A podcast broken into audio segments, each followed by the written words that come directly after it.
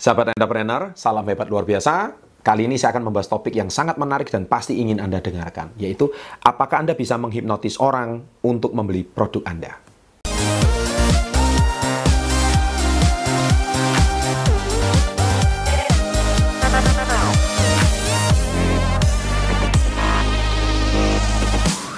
Baik, sebelum saya membahas topik yang dalam tanda kutip uh, luar biasa keren ini, yaitu saya mau mendefinisikan dulu, saya ada memakai kata hipnotis ya di balik uh, kata-kata ini.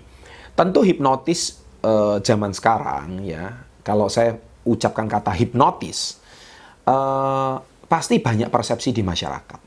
Ya, salah satu persepsinya uh, kalau saya perhatikan ya, zaman sekarang itu lebih banyak negatifnya kata hipnotis. Ya, setiap anda tanyakan 10 orang apa definisi hipnotis, 10 orang ini akan menjawab dengan versi mereka masing-masing. Tetapi sekali lagi banyak orang itu salah kaprah dengan kata hipnotis, ya. Hipnotis itu sebetulnya e, berasal dari sebuah bahasa Yunani yang artinya hipnos. Hipnos itu artinya tidur. Ya, jadi ketika orang tidur itu baru bisa dihipnotis ya atau dalam kondisi tertidur. Nah, tetapi saya di sini tidak akan membahas lebih dalam karena sebetulnya yang lebih pakar membahas hipnosis ini atau hipnotis ini adalah para ahli, ya, para psikolog-psikolog atau para dokter-dokter ahli yang mereka lebih pakar membahasnya secara ilmiah. Tetapi hipnotis ini eh, karena sering kali dipergunakan oleh orang-orang yang tidak bertanggung jawab, akhirnya kata-kata hipnotis yang mestinya baik ini bisa menjadi definisinya menjadi salah ya salahnya itu mungkin hipnotis dikaitkan dengan ilmu hitam atau kalau mungkin di bahasa Jawa itu ilmu gendam ya ataupun hipnotis itu dikaitkan dengan cara mempengaruhi orang dengan cara-cara yang tahayul dan sebagainya. Nah, sebetulnya hipnotis itu uh, tidaklah seperti itu. Hipnotis bisa saja digunakan disalahgunakan seperti itu, tetapi hipnotis sendiri itu sebetulnya dipergunakan oleh beberapa ilmuwan itu untuk menterapi ya pasien yang trauma, menterapi orang-orang yang stres, menterapi orang-orang yang depresi, dan itu ternyata efektif sekali terapinya bahkan tanpa menggunakan obat. Ya, jadi saya hari ini tidak akan membahas itu, tetapi saya akan membahas hipnotis in selling sebetulnya. Ya, jadi uh, Anda harus tahu dulu definisi hipnotis itu sendiri. Jadi Anda jangan alergi dengan kata hipnotis. Belakangan mungkin kalau Anda menonton televisi, ya sering kali artis-artis papan atas Indonesia itu mereka menggunakan hipnotis itu untuk hiburan. Ya, ada seorang yang ditidurkan kemudian di depan keramaian orang ditidurkan kemudian dia bisa mengeluarkan kata-kata rahasia yang mungkin dia tidak bisa uh, ucapkan, tetapi karena ditidurkan dia bisa mengeluarkan dan menjadi bahan tertawaan.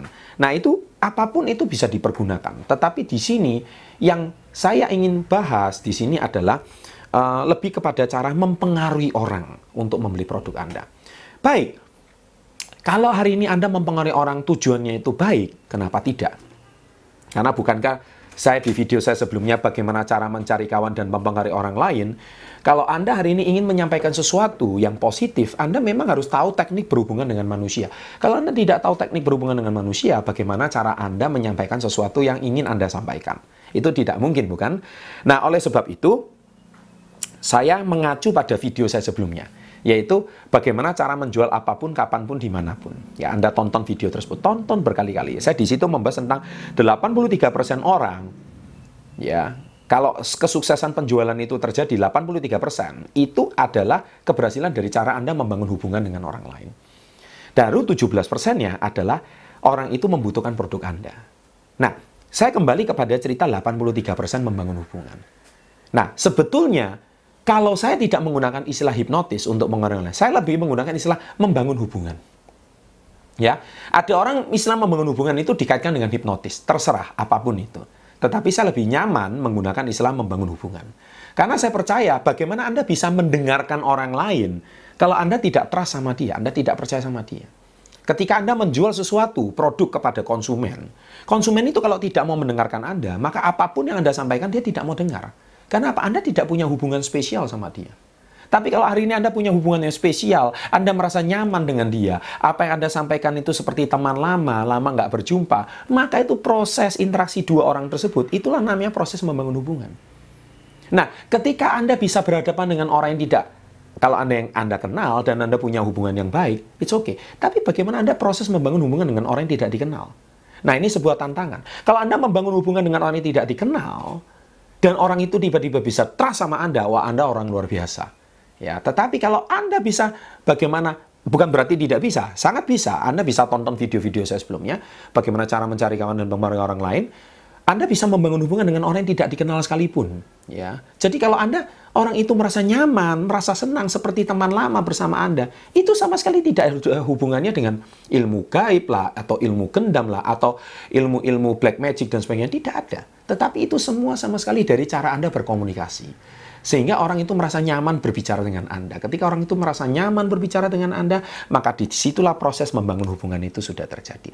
Nah, ketika membangun hubungan itu terjadi, maka secara nggak langsung Anda sudah bisa dalam tanda kutip menghipnotis. Ya, Nah, saya tidak menggunakan istilah hipnotis, tapi saya menggunakan istilah membangun hubungan. Jadi oleh sebab itu, mulai dari hari ini, belajarlah membangun hubungan dengan konsumen Anda, belajarlah membangun hubungan dengan prospek Anda, belajarlah membangun hubungan dengan konsumen Anda ketika apa yang Anda sampaikan itu nyaman dan bisa dimengerti dan bisa didengar 100%, maka anda harus yakin dengan produk yang Anda pasarkan. Ketika Anda yakin dengan produk yang Anda pasarkan, Anda yakin dengan, Anda jujur dengan apa yang Anda sampaikan, bahwa apa yang Anda sampaikan itu bukan membual, atau bukan semata-mata demi keuntungan, tapi karena memang mempunyai nilai manfaat kepada dia, mempunyai nilai manfaat kepada konsumen Anda, niscaya 100%, maka proses penjualan itu akan terjadi.